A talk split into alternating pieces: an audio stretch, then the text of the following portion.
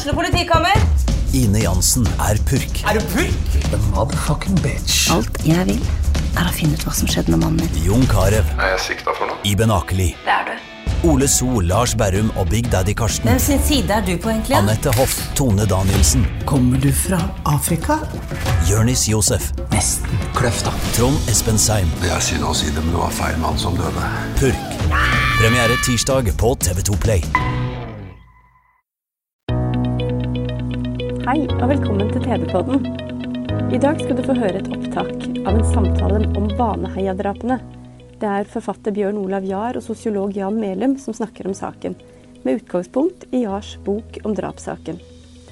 Opptaket er gjort på Tønsberg Færder-bibliotek og er en del av debattserien 'Justismord i Norge arven etter Bjørneboe'. Dette er tredje program i serien.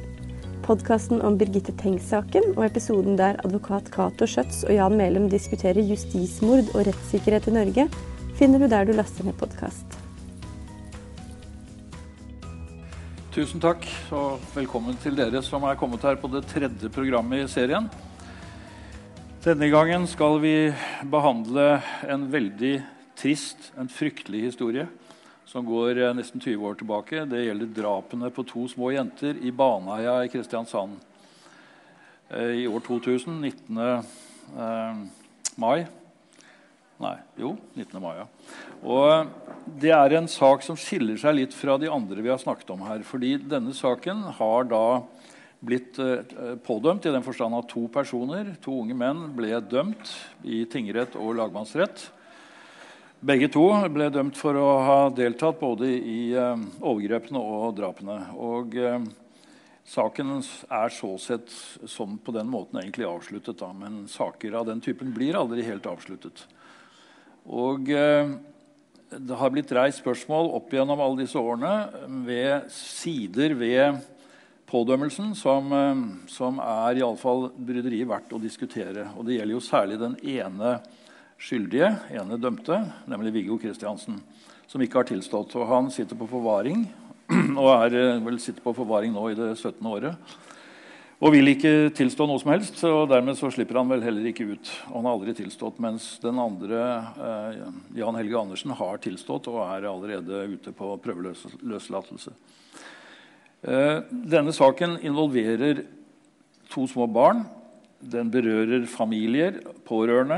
Eh, det er en fryktelig påkjenning de har vært igjennom. og Det betyr at alle diskusjoner om denne saken må føres i, med stor omtanke og forsiktighet. Men man kan jo allikevel ikke la være å diskutere om det finnes sider ved denne saken som eh, fortjener eh, et kritisk blikk. Og det er det vi skal forsøke nå å gjøre. Bjørn Olav Jahr, som sitter ved siden av meg her, han har skrevet en bok om drapene i Baneheia. Han er en eh, merittert gravejournalist og har også da, som dere sikkert vet, skrevet om eh, Birgitte Tengs-saken, som jo ikke er helt lik. Det som eh, har skjedd i denne saken, eh, Baneheia-saken, er at vi har fått, eh, i løpet av disse 20 årene så har vi faktisk fått fem gjenopptakelsesbegjæringer som alle har blitt avslått, og én søknad til, eh, direkte til statsadvokaten, som også er stoppet.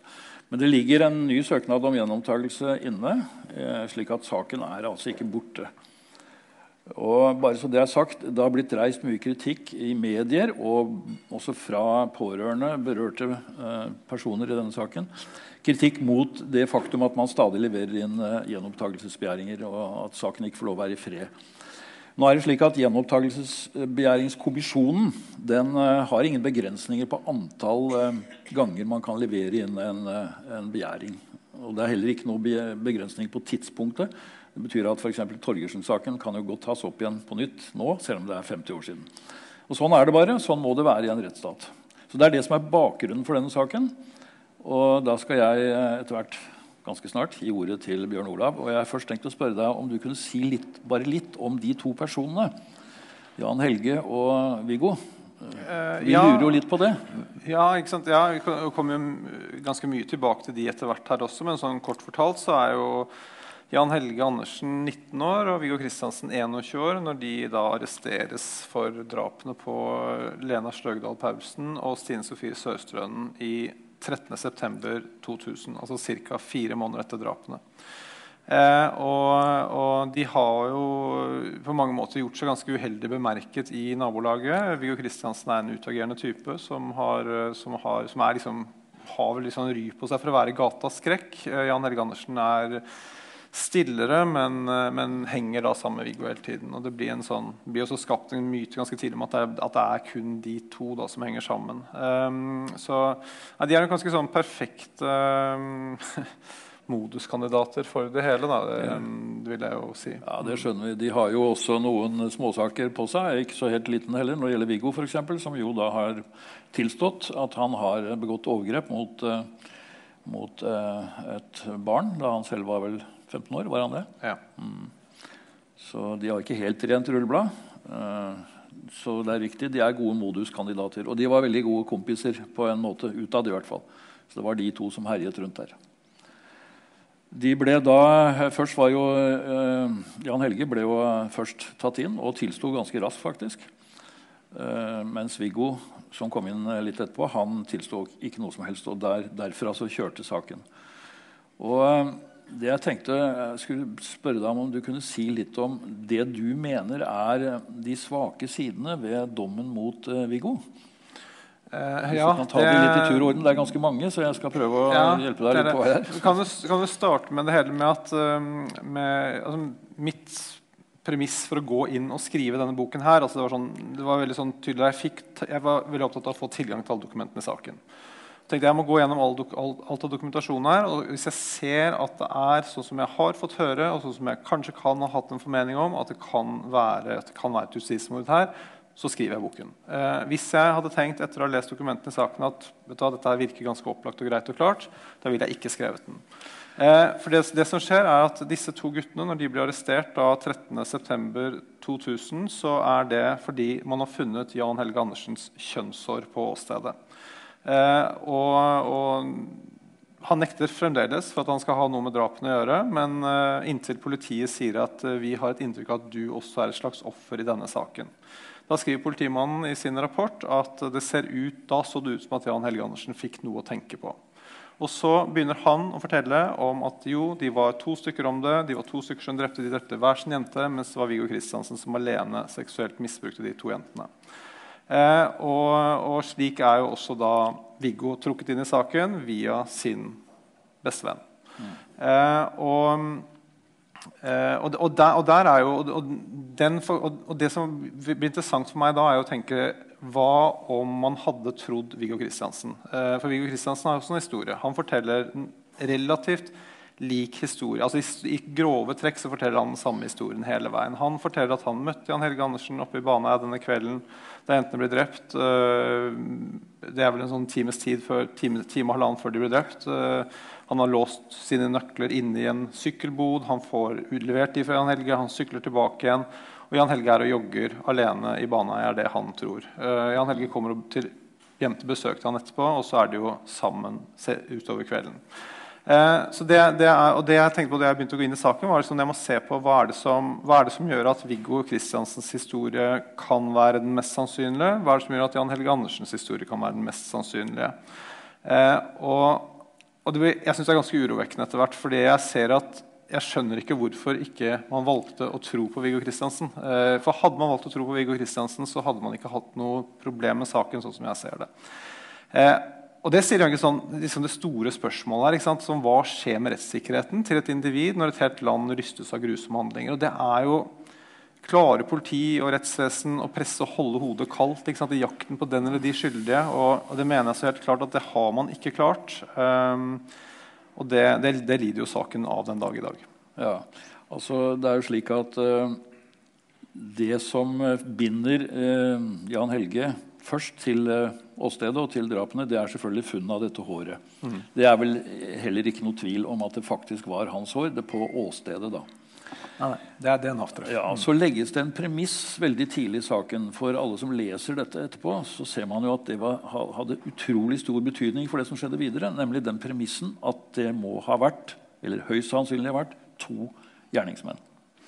Ja, for det, det, det, det, som skjer her, er at, er at uh, de har Viggo Kristiansen inne til avhør. Og, er, og, det skal, og det skal nok, det skal ikke legge noe tvil om at Politiet er nok helt sikre på at de har gjort det riktig ved å arrestere begge to.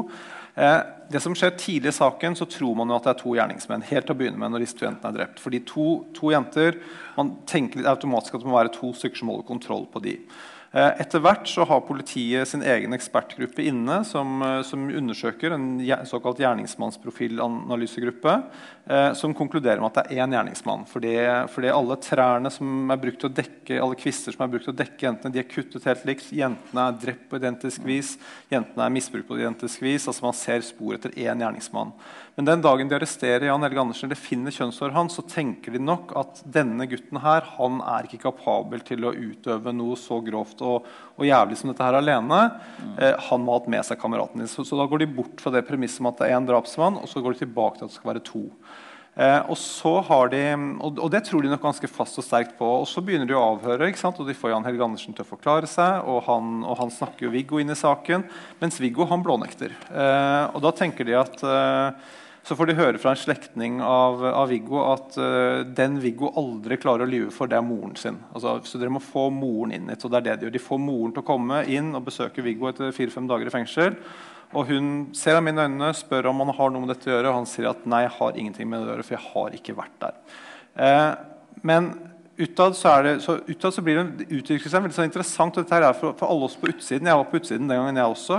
Eh, så leser man jo bare mediene. og det man får inntrykk av her er at Du har, du har to drapsmenn. Du har på en måte den snille drapsmannen, som er Jan Helge Andersen, som forteller, som gir folk svar. Som, og lettelse er jo det ordet som blir brukt i alle aviser og alle sammenhenger. At man er så lettet over å få en tilståelse at noen forteller. Så han er den som snakker, og han er den som for, for alle på en måte målbærer sannheten. Mens Viggo er den antatte hovedmannen, og ikke bare det, han er også svært gjenstridig og han nekter å tilstå noe som helst. Så han blir jo et stadig større monster i, øyne, i våre øyne fra utsiden. Eh, og så står de på, så, og så har de jo et kjempeproblem, for de har ingenting på Viggo Kristiansen utover Jan Helge Andersens forklaring. Og Så går det ca. en måneds tid. Eh, eller litt over en måneds tid. Og da, og da har de hatt eh, DNA, masse, masse DNA-analyser til, til, analyse i, eh, i Østerrike Nei, i Spania, mener jeg. Eh, for det, det, det, som, det, som, skjer er at Disse jentene blir jo, blir jo funnet um, to dager etter at de er drept. Uh, og Det tar et helt døgn før oss politiet tenker på at de kan være seksuelt misbrukt. Så de bruker for lang tid til å undersøke. Så De har, de har veldig dårlige resultater fra, fra sædprøver. har veldig dårlige resultater fra det. Men de sender dette inn til analyser. Eh, og, de får noen, svar, noen foreløpige resultater som tilsier at det kan ha vært to stykker som har vært bortpå den eldste jenta. Det kan ha vært én som har vært bortpå den minste jenta. Eh, dette her er, dette her er blir veldig teknisk, men sånn én allell av ti. Så er det, sånn, det er én markør av, av ti, og, og, det er, og, det tilsvarer ca. 50% av den norske mannlige befolkningen. Så det er ytterst svakt. Men det de gjør, er at de har en pressekonferanse hvor de sier at vi har DNA-bevis som med 100% sikkerhet knytter Viggo Kristiansen til åstedet. Og der og da tror jeg Viggo Kristiansens skjebne forsegles. For det, det, blir store oppslag i avisene hvor det står 100% DNA-bevis på Viggo Kristiansen. Og for alle de som har vært i noe som helst tvil da, da ser de jo bare dette. Og da tenker sånn Ok, dette er jo case close. Har du DNA, så er det ferdig. altså. Ja, altså akkurat det der må vi stoppe litt ved. For det er som du sier, helt betydnings, altså det er den store betydningen tidlig i rettssaken, eller i etterforskningen, som senere også får betydning i, i de to rettssakene. Fordi det blir faktisk sagt utad, helt tydelig, at det er et 100% sikkert bevis. Hvilket det ikke er. Altså 54% av den norske befolkning har, vil, vil ha skåret på det funnet. Slik at det er ikke noe bevis i det hele tatt. Nei, og, se, og, sen, og, og, senere resultater ja. viser også at, dette, at, det ikke er et, ja. er et teft der i det hele tatt. Så, det, er, så det, er, det, man vet i dag, er at det er forurensning. Ja, altså Vi må huske på at dette skjedde jo for nesten 20 år siden. Og uh, teknologien når det gjaldt uh, DNA-tester, var jo mye dårligere på det tidspunktet. Nå er de uh, resultatene prøvd på nytt i 2017, var det vel. og da fant man jo de samme eh, funnene, faktisk. Og man kunne med enda større sikkerhet si at eh, de heftet ikke Viggo til funnene. Ja, og så hvis jeg skal tilbake til dette med premiss med hvor viktig DNA, DNA blir, for det er klart sånn, I retten og sånn, så, frem, så, så, må man etter hvert gå tilbake på det at nei, vi hadde ikke 100% sikkert DNA-bevis. Men, det, men det, de, det, de får, det, bioingeniøren fra Rettsmedisinsk institutt sier, hun sier at det er eh, vi kan ikke med sikkerhet si at Viggo Kristiansen var involvert, men vi kan si med sikkerhet at det var to personer på åstedet. Ja. Det sier de, og det, er, og det er det ikke noe sikkerhet rundt. Og, og det, som, det, som, er veldig sånn foruroligende underveis her, er at Jan Helge Andersen er på en rekonstruksjon for å rekonstruere drapene eh, med politiet. Han har med seg ti politifolk, statsadvokat, sin egen forsvarer, forsvareren til Viggo. Han har, helt, han har en hel armé etter seg og med seg. Eh, og, han, og, han, stiller seg med ryggen imot. Han sier at 'jeg satt med ryggen imot'. Viggo Kristiansen seksuelt misbrukte jentene alene, og jeg satt med ryggen imot. og jeg, da, da, jeg skjønte, da, Viggo, da jeg skjønte at Viggo hadde drept den ene, så kom jeg bort og dyttet til han og han forteller en historie hvor han han påtar seg en ganske litt mer helteaktig rolle enn det han ellers har hatt. Og så sier han at han ble tvunget til å drepe den minste. Eh, denne forklaringen her er jo noe man må gå tilbake på senere, når man da finner DNA-spor som tilsier at Jan Helge Andersen også har hatt seksuelt misbrukt jentene. Da sier Jan Helge Andersen til politiet at det glemte han å fortelle. Han visste ikke helt hvor det skulle inn i historien. Eh, så da kommer det da en erkjennelse etter hvert at han også har seksuelt misbrukt. Eh, og Så blir han spurt hvilken av jentene han seksuelt misbrukte, og da sier han at han seksuelt misbrukte den eldste. Så viser det at det politiet mener å ha funn på Jan Helge, eh, ja, på Jan Helge det er på Nei, han sier at han, han, han, sier at han seksuelt misbrukte den, den den eldste, ja. Eh, mens, mens, det politiet, mens, det politiet, har, er noe funn de mener at han har seksuelt misbrukt den minste. Eh, og da bruker politiet og det, Dette er jo noe av det som er aller, aller mest graverende, da bruker de seks uker på å få Jan Helge til å bytte jente. Eh, sånn, sånn at den historien når de går i retten kan stemme overens med at Viggo Kristiansen har seksuelt misbrukt den eldste jenta alene, og de har begge to misbrukt den minste jenta sammen. Mm. Eh, og, og det, som, det som er som, som, jeg, som, jeg, blir veldig sjokkert over, er når jeg ser også at denne politimannen da, som har hatt hovedansvaret for avhørene av Jan Helge Andersen, altså som har fulgt ham på rekonstruksjonen, eh, han blir spurt i retten om Jan Helge Andersen var sannferdig, og da sier han at det var han. Eh, han tok han aldri noe løgn. Det eneste var at han hadde litt problemer med å erkjenne sitt egne seksuelle misbruk. Ja, jeg la merke til akkurat Det der, det synes jeg er et veldig viktig poeng. Altså, I retten ble det fremstilt som om han aldri løy. Altså, Under ed så sa jo politimannen det. Mm. Men det er jo ikke riktig. Det er løgn, faktisk. altså. Ja, det er, um, ja. det er uh, spesielt fordi det fikk veldig stor betydning for uh, utfallet senere. Dette, dette, dette, er sånn som er veldig interessant. for sånn, jeg, jeg, ser på en serie som heter The Innocent Man, eh, som er basert på en uh, sakprosabok som, eh, som, John Grisham har skrevet, eh, som handler om to drap i Ada i, i Oklahoma i USA på begynnelsen av 80-tallet. Og, og, der er Og der er, og der er der har de så masse opptak. De har masse opptak fra retten, de har masse opptak fra avhørene og sånne ting. Sånt har man ikke i Norge. Eh, og, og, I Norge så føler man seg så trygg på at her har vi en rettsstat som fungerer så godt, og vi er så godt ivaretatt, og alle er så hederlige og ærlige, og ingen som vil noen noe vondt. Men vi har jo ikke noe bevis på at det faktisk foregår ting på riktig vis. For det, man tar ikke ting opp. Og det, og det, og det, det bare kjenner jeg på meg selv at det, er utrolig foruroligende. Ja, det er, veldig, det er, veldig, ubehagelig å tenke på. Og Vi vet jo fra f.eks. Liland-saken, som vi har snakket om her før, at hvis ikke Sten Ekeroth hadde på altså ulovlig vis gjort opptak under uh, rettssaken, så ville han, Liland antagelig aldri blitt uh, frikjent. Ja. Så eh, vi vet at uh, det er åpnere i USA. faktisk. Uh, vi må si litt pent om det amerikanske rettssystemet også, for de har en veldig stor grad av åpenhet. Det har man ikke her. Og Det er klart at det var noe som skjedde til å begynne med i denne saken. og Det er det som blir bekymringsfullt når man leser om den og går inn i materialet, sånn som du har gjort. At det faktisk skjer noe ganske tidlig i saken som gjør at man bestemmer seg. Og etter det så går alt i den retningen. Altså Ethvert ethvert vitneutsagn, eh, enhver til og med tekniske bevis, som vi også skal si litt om, eh, det blir brukt mot eh, Viggo istedenfor for. Og Det er fordi man har bestemt seg. Man vet at det var to. Det må ha vært to. Selv om politiets egen etterforskningsgruppe jo til å begynne med trekker en helt motsatt konklusjon. Det gjør det veldig vanskelig. Og så er det én ting til som du kanskje bør kunne si noe om, også du som kommer fra mediene, nemlig hva mediene kokte sammen mm. av bilder og fortellinger om, om, disse to, og spesielt da Viggo Kristiansen. Ja, det er veldig, det er veldig interessant. for det som, det som, skjer Når denne saken her kommer opp for retten, så er det klart at det er ingen tvil om at dette her er jo helt forferdelig for de pårørende. altså sånn Miste sine to små jenter på den forferdelig grusomme, helt smakløse måten som, som, har skjedd her, er jo forferdelig. Og, og jeg tenker sånn hele Kristiansand, jo For Kristiansand så er dette et slags sånn 22. juli. Hele Norge er jo dypt rystet. og det er klart at Dette opprører svært mange, men når man kommer da til rettssaken, og du har en som har erkjent, og en som ikke har erkjent, så er man likevel så sikker på at han som har erkjent for dem begge to, det er han som forteller sannheten. Så når en av de pårørende går ut i mediene og sier at i denne saken her, vi vet at jentene ble knivstukket, vi vet at de ble voldtatt, vi ønsker ikke å vite noen ting om hvordan, vi vil bare vite hvorfor. Og, og, så, og, så, la ikke han til hvem, men det kan jo for pressen si at det gjorde de.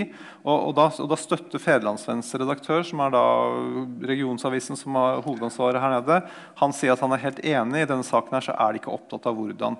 Og det er klart sånn, Hadde det bare vært én drapsmann, og hadde det hadde bare vært dømt en drapsmann, og hadde man på en måte vært klar, så er jeg helt enig, man trenger ikke å vite hvordan. Men i og med at jentene for er drept på identisk vis, så, være, så er det veldig interessant med hvordan. Men det dropper journalistene å, å grave noe mer i. I stedet for så blir de veldig opptatt av hvem. Og da er det særlig Viggo Kristiansen som blir, som blir uh, hoggestabben. Og, og, man bruker overskrifter i avisen som uh, han, er ons, han, er inkarnasjonen på ondskap. Og, og, det er, og det er gataskrekk, og han er en tikkende bombe. Og, det, det, males frem. Og det er klart sånn, det fantes jo noen historier om Viggo Kristiansen. Skal ikke legge skjul på det, men, men, det er klart sånn, det fantes også historier om han som, som talte til hans fordel igjen. da. Uh, men uansett så er det sånn det, det, kommer frem veldig mye, og det blir sånn i retten også så blir det sånn annet at Viggo Kristiansen han skal, ha, han skal ha brukt noe på seg selv uh, i en seksuell situasjon i en bu, og det må han snakke masse om under retten. Og sånne ting, og fordi han, og fordi han er litt sånn unnvikende med det, så blir det bekreftet som at han er en løgner. Og sånne ting. Og, og for meg så er det, jo, er det, jo, det er jo mobbing av en 21 år gammel gutt. Det er, liksom sånn der, det er, jo, det er jo dypt graverende, det, det, som skjer i denne rettssaken. Og, og journalistene er, Det er én journalist som, som som eh, en kommentator i Federlandsvennen som tidlig skriver når Viggo Kristiansen forklarer seg om dette seksuelle overgrepet som du var innom, som, hvor Viggo Kristiansen i 15-årsalderen seksuelt forgrep seg på en jente på syv år. Eh, og, og, dette klarer ikke Viggo Kristiansen å snakke om selv, så da leser, da leser statsadvokaten opp forklaringen hans. Og da står han og hulker og hikster og, og, og er helt ukontrollerbar. Og senere når vi snakker om drapene i Baneheia, så er han helt kald. Og, og da, er det, da, er det, en kommentator i Federlandsvennen som skriver at kan det være fordi han har gjort det ene og dermed reagerer, og ikke har gjort det andre? Kan det være derfor? Det er den ene refleksjonen jeg ser som handler om at, hva man er uskyldig. Eh, men ellers, er det, ellers er det alle signaler. og det, Jeg har snakket med så mange journalister i etterkant, og, så, og mange av dem syns at jeg er en stor idiot som har skrevet denne boken. her, og de er sånn der, Men du var jo ikke i retten. Vi var der. Vi så at han var skyldig. Vi kunne se på han, og vi så hvordan han oppførte seg. Og han forsvarte seg ikke ordentlig, og han tok ikke til motmæle. og sånne ting. Jeg tenker sånn, Hvor lett er det da, når du er 21 år og du har en, i tillegg har en ganske dårlig forsvarer? Ja, det er, det er et poeng for seg. altså det er jo slik at Denne journalisten som du refererer til, han eh, som er, var en av de meget få som hadde et, eh, i alle fall et slags alternativt perspektiv på saken. Han uh, skrev jo senere om det i Dagbladet, og han ble jo etter hvert tatt av saken. Ja, nei, det var, det, det, det var ikke, samme. Nei, nei, det var, det jeg nei, for det er en annen en. Ja, det var også en, en journalist i Dagsavisen. Ja. Dag, Dagbladet, som, Dagbladet, ja. ja. som var, ja, han var opptatt av det. For det, ja. Øh, det er også interessant. Det var, det var, da to journalister da, kan vi si, som var opptatt av det på den mer kritiske måten som man bør være. Eh, det er også slik at uh, Fremstillingen av de to personene er også interessant. For, og det har jeg oppdaget når jeg snakker med folk om det nå, som da ikke vet spesielt mye om saken. At Viggo var jo den store og sterke, mens uh, Jan Helge var den lille og forsvarsløse. Men uh, saken er jo faktisk motsatt. altså Den ene var liten, og det var Viggo. Mens mm. den andre var stor, og det var Jan Helge, slik at det, det er blitt vridd på. Vi fikk, fikk vel antagelig aldri sett bilde av dem i helfigur. vil jeg tro. Nei, Man ser bare disse portrettbildene hvor du har et sånt bilde av Viggo hvor han ser veldig sånn eh, intens ut og, og, han ser stor ut. Uh, han er jo 1,72 høy og veide 72 kg, og Jan Helge Andersen var 1,80 og veide 95 kg. Eller noe sånt, ja. Så det er veldig stor forskjell på de i størrelse, og det er i, i Jan Helges favør. Ja. ja. det, er, det er åpenbart også i, hans, uh, altså i Viggos disfavør. Men det er også en annen side ved, ved, etterforskningen og senere rettssaken som er svært så interessant. Eh, det er flere ting, men la oss se på vitnene. Fordi det er jo vitner som for så vidt støtter eh, Viggos forklaring på flere måter. Det kan du kanskje si noe om? Ja, altså det, det, det, er jo det, det, som er et av punktene som de jo går til sak mot Viggo for, er jo at, er jo at han og Jan Helge Andersen er observert sammen uh, i utkanten av Baneheia før drapene, og de er observert hjemme hos Viggo etter drapene. Så de er jo ut, utvilsomt sammen både før og etter. Uh, det, er, er, er, noen vitner. Og så har du, så har du, du har et vitne som er interessant, og det er sånn han observerer Viggo Kristiansen idet Viggo Kristiansen sykler så vidt inn i Baneheia. Han syns sykkelen til Viggo er veldig veldig fin. Uh, og Han legger merke til at Viggo og Jan Helgesen kommer tilbake igjen og, og fortsatt veldig opptatt av denne sykkelen. Han er ute og jogger selv på denne, på denne, i Baneheia. Tar med seg nøklene sine i hånda, for han syns de to gutta ser ganske skumle ut. Så han vil ikke legge nøklene sine på, bil, på, på dekket som han pleier. Og så etterpå så står han og tøyer ved denne bommen. og Det er en bom som er ca. Like, like, bred som fra mitt sete til ditt sete. Eh, og Der står han og tøyer etterpå, og han ser jo ikke noe bom. Så det er klart at Hvis Viggo skulle vært oppe i Baneheia, så måtte jo den, så måtte jo, og sykkelen stå parkert der, som Jan Helge sier, så, så ville han ha sett den. Men, så han, han, er jo et uh, Politiet tror, at, eller aktoratet tror at han skal være et vitne for dem når han kommer i retten. Han viser seg at han blir på mange måter et vitne for Viggo. Men, men, så er det, så er det andre, andre vitneforklaringer. og det er at det som er at disse jentene er jo bader i Baneheia rundt ca. halv syv. og de er observert i bade, det, er noen, jevne, det er noen gutter litt, eh, altså i 20-årsalderen som bader samtidig med dem. Det er en jente som jogger. og sånn, de, Man har sikre observasjoner av jentene til ca. klokken syv. Og så, og, så, og så, forsvinner de. Eh, altså Da har man ikke noen sikre observasjoner lenger. Og så, og så, er Viggo Kristiansen det man vet helt sikkert er at han er hjemme på trappa si klokken 20.19 og tar en telefon. så Dermed så har politiet lagt drapene. De sier at drapene og ugjerningene må ha skjedd mellom klokken 7 og 8. Så når du snakker om vitner, så, så, kommer det tidlig så kommer det frem en, en mann som har sett en jente, en, to, to, små barn, en med noe rødt og en med noe hvitt. og Lena hadde rød jakke, Stine Sofie hadde hvit bukse. Og en større person med noe hvitt, og Jan Helge hadde en hvit T-skjorte. Han ser de tre personene på vei opp mot åstedet ca. kvart på åtte. Dette er en observasjon som politiet er veldig veldig opptatt av. Uh, veldig lenge. De flyr denne personen ned fra Østlandet for at han skal rekognosere og gå rundt og vise. og sånne ting, og Han blir tatt på høyeste alvor. Men når saken kommer opp for retten, så blir han ikke ført som vitne. Han blir ikke ført som vitne. Eh, og han hadde jo vært for det, det man etter all sannsynlighet nå vil vite, er at han har sett Jan Helge Andersen og jentene. Og så er det veldig mange andre observasjoner også med lyder oppe fra åstedet som er sånn ca. fra klokken åtte til kvart over åtte. Så er det mye aktivitet oppe på det som er åstedet.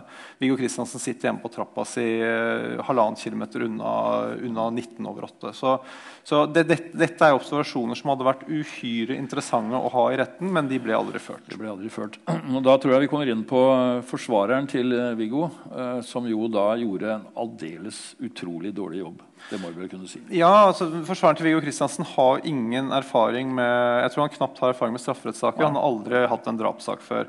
Eh, og det er klart at det Du gjør du får jo enormt mye informasjon å forholde deg til, og du har et politi som nok kanskje sorterer litt informasjon til deg, og, og du har et voldsomt press på deg. Så det er klart at det, Jobben er på ingen måte enkel for ham. Eh, han, eh, han det som er greiene er at sånn som Forsvareren til Jan Helge Andersen er veldig aktiv i media. og Han sier at min klient har sett langt mer enn han har opplevd. Nei, sett langt mer enn han har vært med på. Altså, han går ut og, gjør, og sår sånne frø i pressen. Mens forsvareren til Viggo Kristiansen sier at Viggo ser fortsatt på Jan Helge som sin venn. Altså, han har veldig sånn dumme uttalelser. Altså, han, han, han, han, bruker jo ikke mediene for, for det det er verdt. Og så Uh, og så Når han kommer i retten, så, så, så fører han ikke noe vitner. Det han gjør som er bra, da, det er at han Viggo Kristiansen har mobiltrafikk. og mobiltrafikk er liksom, det, det, det, er det viktigste. Det er det som er utelukkelsesbeviset i saken. Eh, Viggo Kristiansen har betydelig mobiltrafikk fra en gjennom en basestasjon som ligger like ved hjemmet hans. Den basestasjonen den, er, den når bare halvveis, den når ikke halvveis opp til åstedet engang. Altså, den er ikke i nærheten av å få kontakt på åstedet.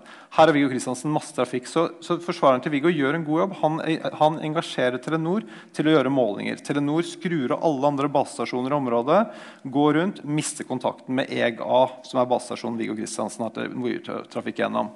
Eh, og dette her, Når det blir fremlagt i retten, så er jo det en bombe. Det er sånn, det betyr at Viggo Kristiansen og hans mobil, i hvert fall mobiltelefonen hans kan ikke ha vært på åstedet mens ugjerningene fant sted. Ja, det er et veldig vesentlig poeng, og det ble gjort i første rettsinstans. Ja. faktisk, i, under saken. Ja, og, da, og, da, og, da, og Det som er litt sånn sjokkerende når man leser sånn, Man tror nesten ikke hva man leser. Dette, det, jeg syns dette er en mye mye større og mer graverende og enda mer interessant sak enn Birgitte Tengs-saken. fordi eh, Man tror nesten ikke det man ser. for sånn, Da skriver en, en, en, en, rutinert og anerkjent kommentator fra, fra Dagbladet da skriver han at men dette mobilbeviset det kommer på et psykologisk for sent tidspunkt. Og det er litt sånn hjelp. liksom. Altså, det kommer et bevis her, men det kommer på et psykologisk for sent tidspunkt. Da er det vanskelig altså, å bli frikjent. Og det som skjer nå, som, som veldig sånn klart viser hvor For det, denne mobiltrafikken til Viggo Kristiansen han har en tekstmelding som går ut som går inn klokken 18.55, en tekstmelding som går ut 18.57, tekstmelding som går inn 1924, tekstmelding som går ut 1937. Drapene og ugjerningene skjer mellom klokken 19 og 20 i henhold til politiet. Og så har han jo en telefonsamtale klokken 2019. Så, og alt dette skjer jo på et annet sted enn åstedet. Politiet har et kjempeproblem her. Eh, det de gjør da er at de får, eh, og, og, og Forsvareren til Jan Helge Andersen aner jo liksom hva skal han gjøre når denne bomben her kommer for retten. Jo, Han kaller Jan Helge Andersen opp i vitneboksen. og Så sier Jan Helge Andersen at eh, jo, Viggo parkerte sykkelen sin i utkanten, altså akkurat der hvor liksom grensen for denne basestasjonen går. og Der har han, lagt, har han hatt en sånn, sykkel, sånn, sånn veske på sykkelen sin, og der har han lagt mobiltelefonen oppi den vesken der. Og så har han vært frem og tilbake for å sende og motta meldinger mens ugjerningen har funnet funnet sted.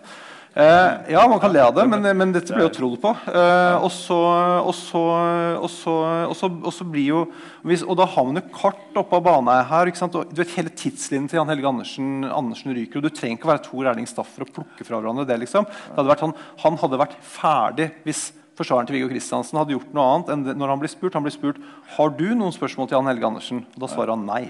Eh, og Da slipper jo han å måtte svare noe mer på dette. her, og Så spekulerer man i dommen om hva som kan ha skjedd. og man kan ikke utelukke det ene og det andre. og sånne ting, og, og den, den, dommen som er i byretten der altså jeg mener Folk, snakker, folk er glad liksom, å snakke min bok ned liksom, som det ah, du kommer konspirasjonsteorier. Hvis man leser dommen der, ja. der er det konspirasjonsteorier. Der er konspirasjonsteorier. Altså, det er veldig interessant, akkurat det der, for nå nærmer vi oss forskjellen mellom vitenskap og tro. Ja. Som vi har hatt i, for så vidt i andre saker av den samme typen også.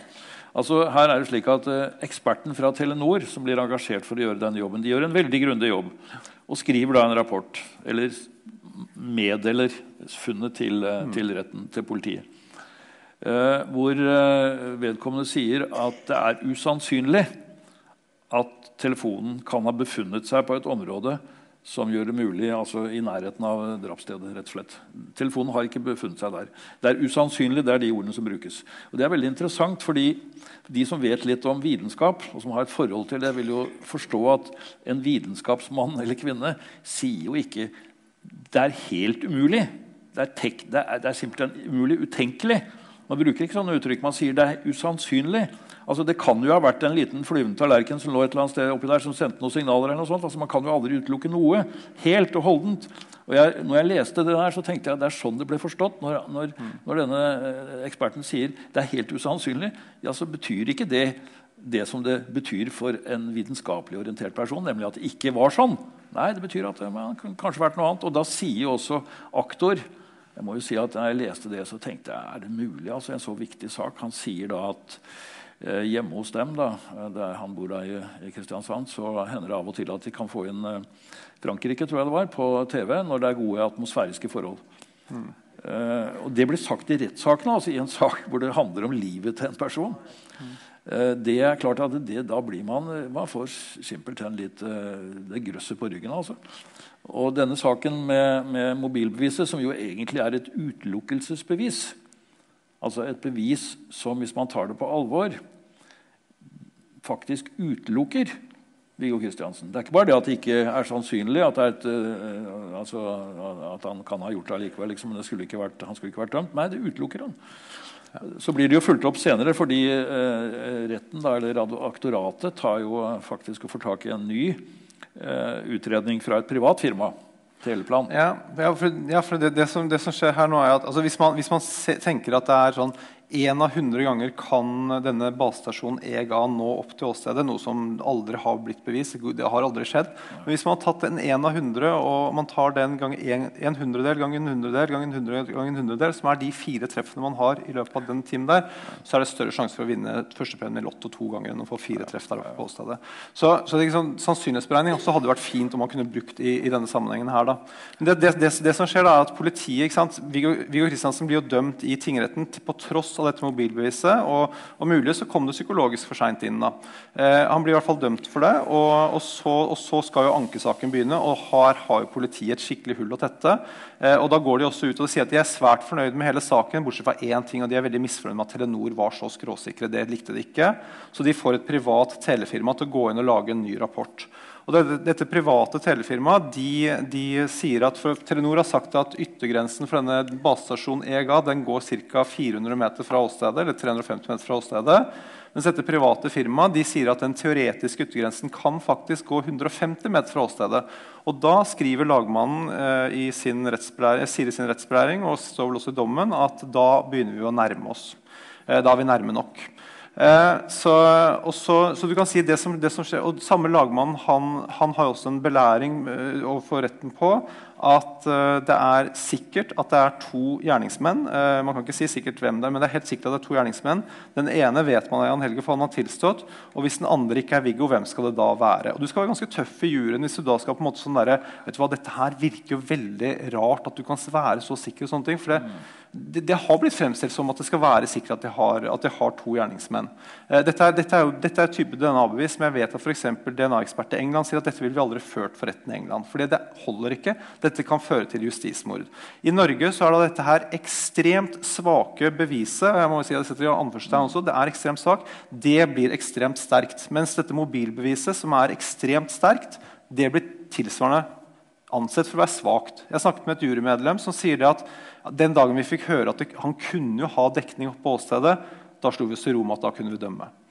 Eh, så, så, det som skjer, liksom, Hvis man sa, sa, i Norge da, du skal ha rettssikkerhet og du skal, du, skal, du, skal, du skal, frikjennes hvis det ikke kan bevises utover enhver rimelig tvil at du er skyldig, så har man snudd det hele på hodet og så sier man at vi kan ikke utelukke at under visse atmosfæriske betingelser og så, videre, så kan vi faktisk dømme deg. Og da tenker jeg sånn at Viljen til å dømme er ah, den er grusomt stor. altså. Ja, den er veldig stor her, og det, det gikk galt fra begynnelsen av. Det er jo også slik at eh, det private firmaet og Telenor, da, som, uh, som, var ansvarlig for disse målingene, de har jo senere, på et senere tidspunkt i forbindelse med gjenopptakelsesbegjæring, så har jo de igjen undersøkt og for så vidt kommet til samme konklusjon. Enda sterkere, faktisk. Uh, slik at uh, telebeviset, mobilbeviset, det ligger der som en liten bombe. Og det er nesten uforståelig at ikke det har blitt tatt mer på alvor. Ja, du, et, sånt, et sånt telebevis blir jo brukt også for å dømme folk, så folk blir dømt på mobilbevis. Ja, og folk blir frikjent på mobilbevis. Du kan si, det eneste som man kan si, er at ok, hva om det var en annen som betjente Viggo Kristiansens ja, telefon for ham? da? Men den konspirasjonsteorien har ikke politiet selv vil gå inn på. Og det tror jeg kanskje handler om at da må de jo anerkjenne da, faktisk at den telefonen er så sentral som det den er er. Eh, så, så, er eh, så jeg tenker sånn når, når, når, saken er inne til gjenopptakelse, og leder av gjenopptakelseskommisjonen, som, som, har vært en anerkjent forsvarer i mange år, og sånne ting, jeg mener det, det er jo ingenting som tilsier at hun ikke forstår at dette her er et utelukkelsesbevis. Jeg tenker at det eneste som står i veien for at den saken blir gjenåpnet, det er prestisjen. Det er altfor mange som har altfor mye å tape på at denne saken her skal opp igjen. Eh, men, men på lang sikt så kan det ikke være sånn. Nei, altså nå er det jo slik at uh, Viggo ble jo idømt uh, eh, 21 års forvaring. Mm. Og uh, kan jo da i prinsippet bli sittende livet ut hvis han ikke tilstår. Da. Det har han jo sagt at han aldri vil gjøre. Og han har aldri, aldri vist tegn til å gjøre noe annet enn å nekte. Slik at det er en person som kan bli sittende livet ut her. Og man må jo være helt sikker på at det faktisk er en riktig dom. Og Utelukkelsesbeviset er, er, utrolig alvorlig. Og så er det jo også noe annet med disse DNA-undersøkelsene, som jo senere er blitt tatt opp. Du kan kanskje mm. si noe om det òg? Ja, altså, altså disse, disse DNA-undersøkelsene man, man, baserte seg jo bare på foreløpige resultater som var gjort av eksperter i Spania. Ja. Men det var jo ikke de spanske ekspertene kom ikke og vitnet engang. Det var en, annen, altså en norsk rettsmedisiner som vitnet på vegne av spanjolene. Så, så det blir jo sånn annenhåndsinformasjon her. Eh, og, og, det var, eh, og så har man senere gjort nye undersøkelser undersøkelse i 2010 fant man ut at nei, vi har bare DNA fra én person, og det er Jan Helge Andersen. Så de gjorde en ny undersøkelse av samme DNA i 2018. får bare svar, De har bare DNA fra én person, Jan Helge Andersen. Så flere ganger så har det blitt bekreftet at man har ikke noe DNA fra noe. Det noen da vil si, er at ja, ja, sånn uh, absence of proof is not proof of absence. ikke sant? Altså, det er sånn, men da, det, det blir igjen veldig tungt, da, for de fleste folk vil jo, da vil jo egentlig alle være aktuelle. da. Ja, alle vil jo være aktuelle da. Altså, betyr det egentlig at når det gjelder denne saken, her, så finnes det altså ingen DNA-bevis DNA mot Viggo Kristiansen? Nei, er det riktig å si? Det er helt riktig. Ja, ja, Og det kan vi si med sikkerhet? Ja, absolutt. Ingen. Det fins derimot bevis mot uh, Jan Helge. Ja, da, Der er det både DNA fra sædprøver og ja. så er kjønnshår på åstedet. Ja, ja. Og så er han observasjoner og gjort av ham på vei opp mot åstedet. Ja, det, er, det, er, så det holder. Ja, vi, kan vi også si at det finnes vitneutsagn uh, som iallfall taler til Viggo Kristiansens gunst. Ja, det vil jeg absolutt si. Når, når, når det er så mye altså denne, denne, ene vitneobservasjonen av, av, en voksen person som går opp sammen med to barn, mm. eh, som er kledd identisk som det de var kledd på den kvelden. Eh, kvart på åtte. Det eneste man også kan, kan lure på, er at disse jentene ble sist observert på brygga sånn cirka ved syvtiden. og Her er man kvart på åtte. Men det var ikke en, det var ikke en sånn dag hvor mange, mange badet. og kan, Man kan sitte litt i skjul. Altså det, det, er mange, mange, forklaringer på hvorfor ikke noen kan ha sett dem på en halvtime. For eksempel. men, men det er en viktig, veldig viktig observasjon. og det er det. Og, og det var jo, Politiet tok den også på veldig på alvor. Var jo, de var jo opptatt av denne observasjonen. Det fløy jo vedkommende ned for å gjøre en rekonstruksjon med han. og sånne ting, og så, Men så er han ikke viktig når saken kommer for retten. Ja. Og I tillegg så er det slik at uh, Jan Helge har da forklart seg uriktig på flere sentrale områder. Og det fins et motiv for at han har gjort det slik, fordi det ja, Det tok han jo ikke helt ut av saken, men han fikk jo betydelig mindre straff. Han fikk, fikk ikke forvaring. Nei, nei. Og, det, og, det, og, det, er jo det som uroer mange. At Jan Helge Andersen er nok aldri behandlet altså Han er jo ikke behandlet for det han har gjort. Nei. For han er blitt behandlet på mange måter som om han er en etterdilter, og som at han er en svak person som lot seg styre av kameraten sin. Mm. Eh, og det som er forunderlig med eller det, som er, det er jo, nesten, sånn, det er jo helt sånn tragikomisk, men i, i, i byrettens dom så skriver de at de kan ikke se at det er noe motiv for Jan Helge Andersen å trekke sin bestevenn inn i saken, og så gir de han fem års strafferabatt. Mm, um, så ja, det er, det er, det er veldig rart. Uh, og, og det, er klart sånn, det, det, er klart at han er blitt gitt muligheten, og det er klart at det er mye mer behagelig å være han som bare lot seg mm. rive med eller true med. da. Um, så, så, ja, han har, han har kommet uh, han har kommet så greit ut av det som han kunne komme. Ja, Så har vi da selvfølgelig mobilviser, som vi allerede har snakket om. Men det er jo forsterket da ved at det er gjort nye målinger, mm. som da enda sterkere får det til å fungere som et utelukkelsesbevis. Ja, det er interessant. Også er det, også det, det som, jeg, jeg, har snakket med denne, denne kommentatoren i Dagbladet ja. som skrev den kommentaren om at, uh, om at, det er psykologisk for sent tidspunkt. Og han, og han, er jo en veldig bra fyr, for han sier jo han sier også i dag at han angrer på at de var så krasse som det de var. Og han sier at det han også angrer veldig på, er at de hadde null tro på det da moren til Viggo Kristiansen i retten sier at jeg mener at jeg hørte ham Viggo var en fyr som brukte mye lyd. Og hun sier at jeg mener at jeg hørte han utenfor eh, kjøkkenvinduet, altså der hvor han er ved sykkelbua si holder på, rundt ved syvtiden. Det sier hun. Og da, og da, blir hun spurt men kan det bare være en ønsketenkning fra deg som mor. Og da sier hun at ja, det kan det jo være. Eh, og, og, selvfølgelig kan det være det, men, men poenget er at det støtter opp, opp også Mobilbeviset og, og hennes vitneobservasjon støtter hverandre gjensidig også. Så det er klart at den det, det vitneutsagnet hennes i dag ville jo vært mye, mye mer verdt enn det var den gangen. Den gangen så ble hun bare ja, hun er moren til, til mm. drapsmannen, liksom. Og, ja. ja.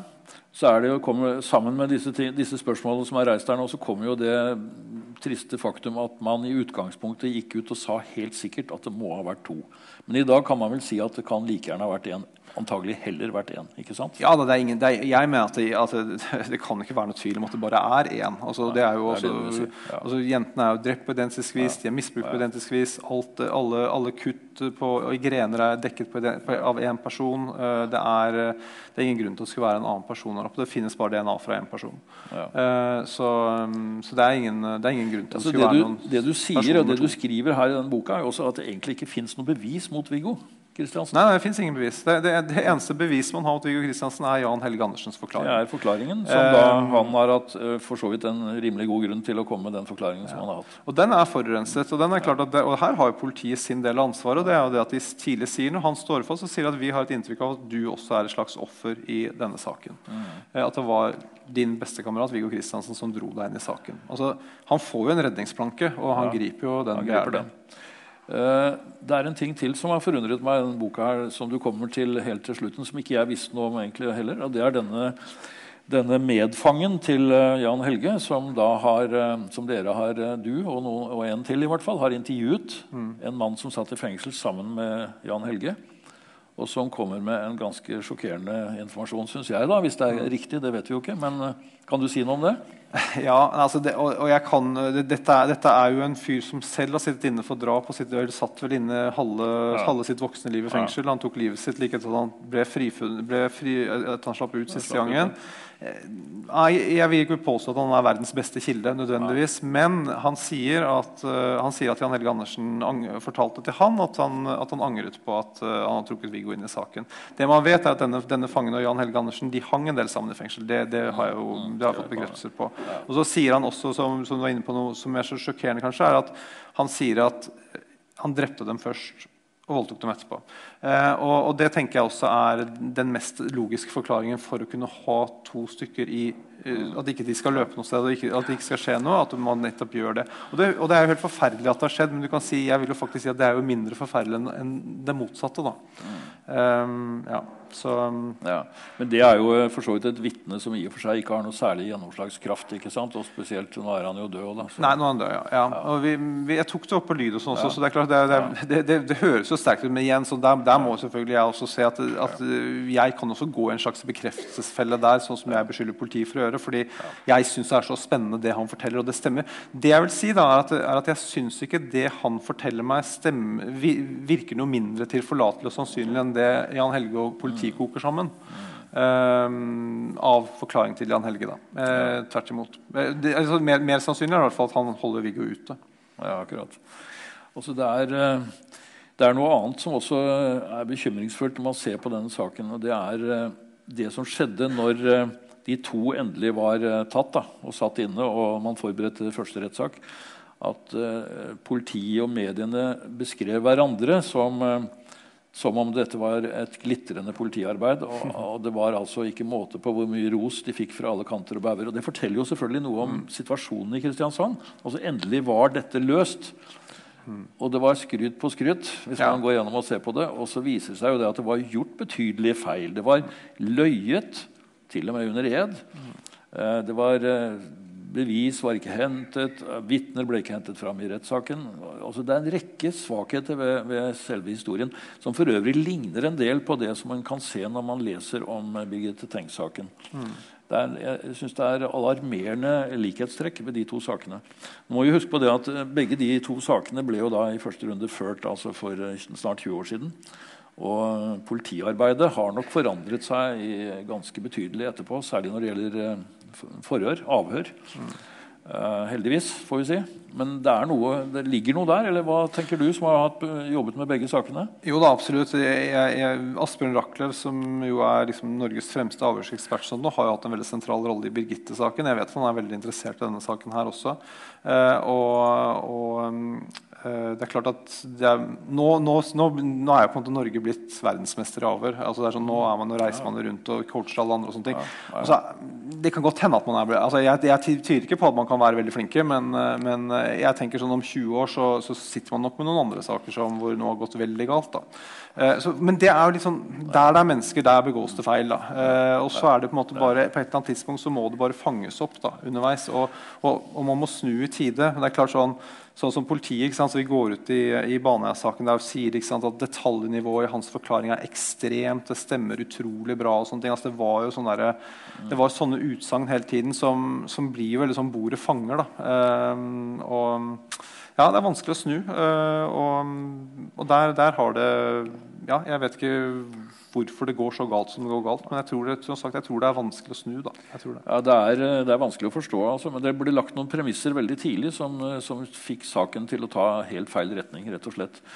Og så er det jo disse gjenopptakelsesbegjæringene som har vært reist, som også reiser noen spørsmål. De er jo blitt avvist uh, ganske dundrende, for å si det sånn. Mm.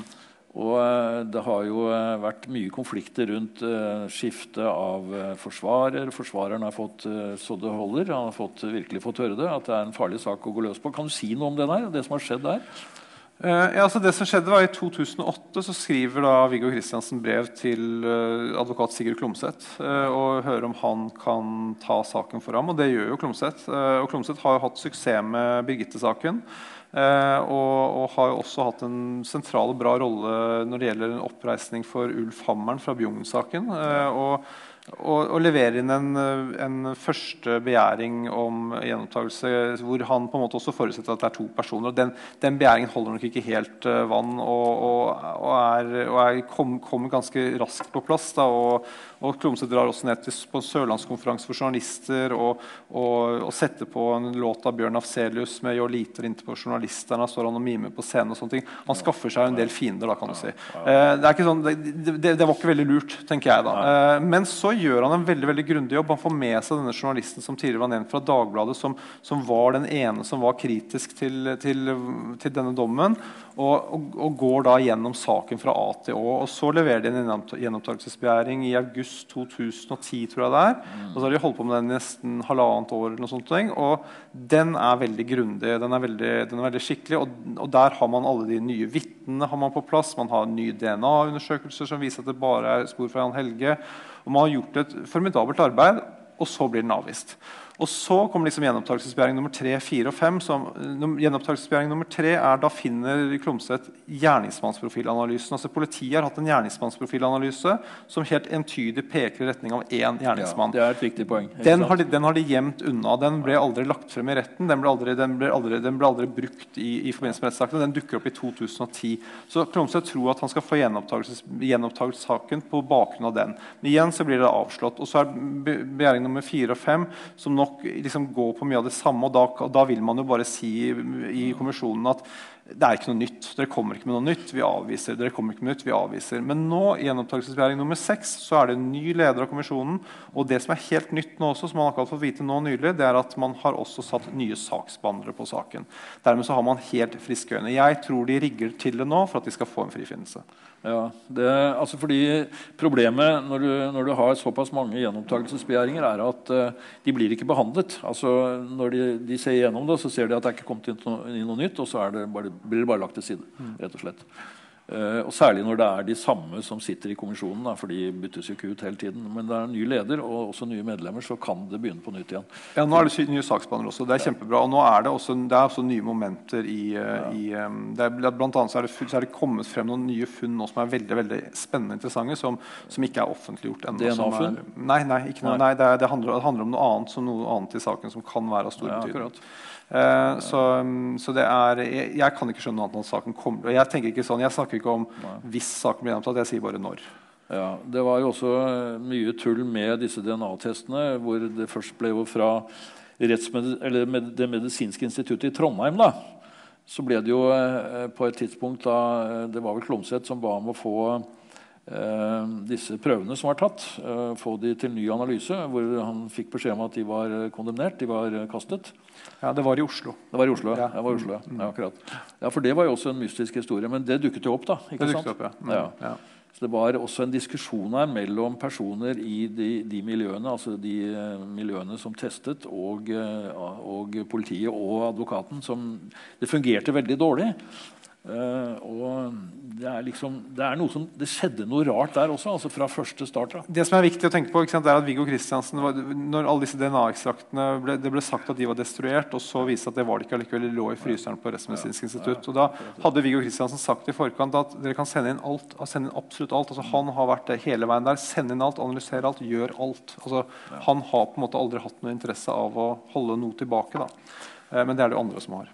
Ja, det er akkurat det. Altså Viggo han uh, hadde jo ikke noe å frykte for å si det sånn, hvis han ikke har vært der. Da. Det vet vi jo ikke. Men uh, når, man ser på saken, så er det, er det, det er merkelig at ikke det har skjedd noe mer. Det er det, altså. Men uh, tror du, altså Nå ligger den sjette begjæringen inne nå. ikke sant? Den er til behandling. Mm. Ja. Med den nye kommisjonslederen.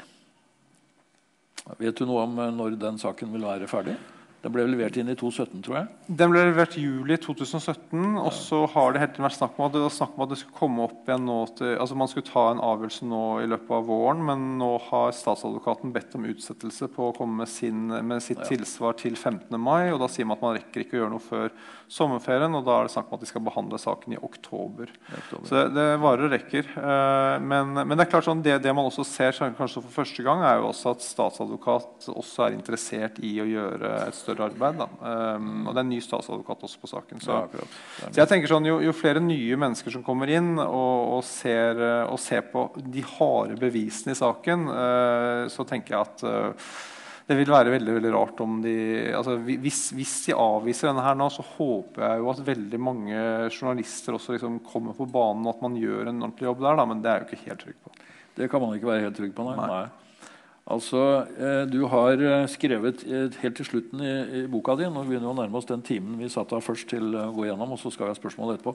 Men helt på slutten av boka så skriver du noe som jeg tenker er til ettertanke. virkelig, fordi Du skriver at i denne saken her så er det det verste ved saken er de to jentene som ble drept. Det, mener, det finnes det jo ingen tvil om. Og vi skjønner jo selvfølgelig at alle de som er berørt av det, misliker at man i det hele tatt driver og graver i denne saken. Det er forståelig, rett og slett. Men det nest verste det er at kanskje sitter en person livsvarig i fengsel som muligens ikke har gjort det.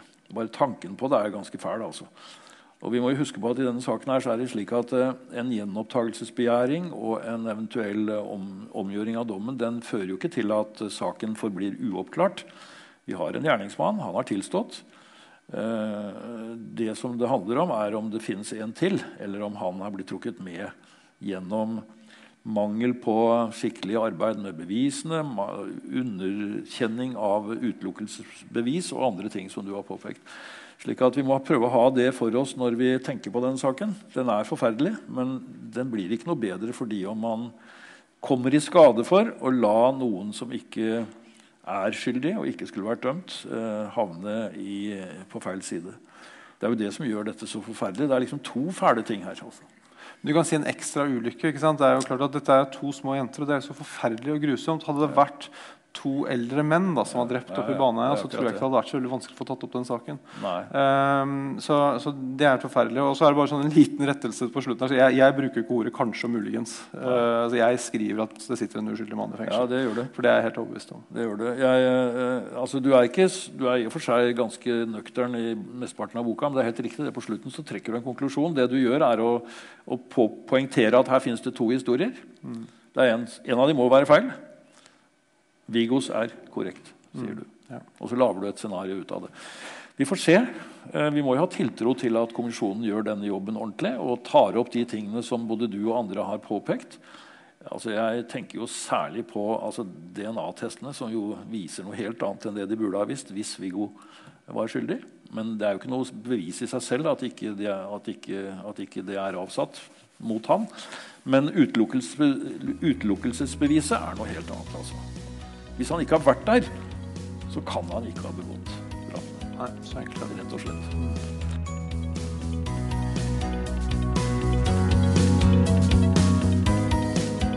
Du har hørt på TV-podden, en podkast fra Tønsbergs Blad. Mitt navn er Marie Olaussen. Konstituert ansvarlig redaktør er Erik Vold Aunemo, og musikken er laget av Scott Holmes. Mer fra vår podkastredaksjon finner du der du laster ned podkaster. Søk oss opp, abonner og gi oss gjerne en vurdering, så blir det enklere for andre å finne oss der. Har du et enkeltpersonforetak eller en liten bedrift? Da er du sikkert lei av å høre meg snakke om hvor enkelt det er med kvitteringer og bilag i fiken, så vi eh, gir oss her, vi. Fordi vi liker enkelt. Fiken superenkelt regnskap.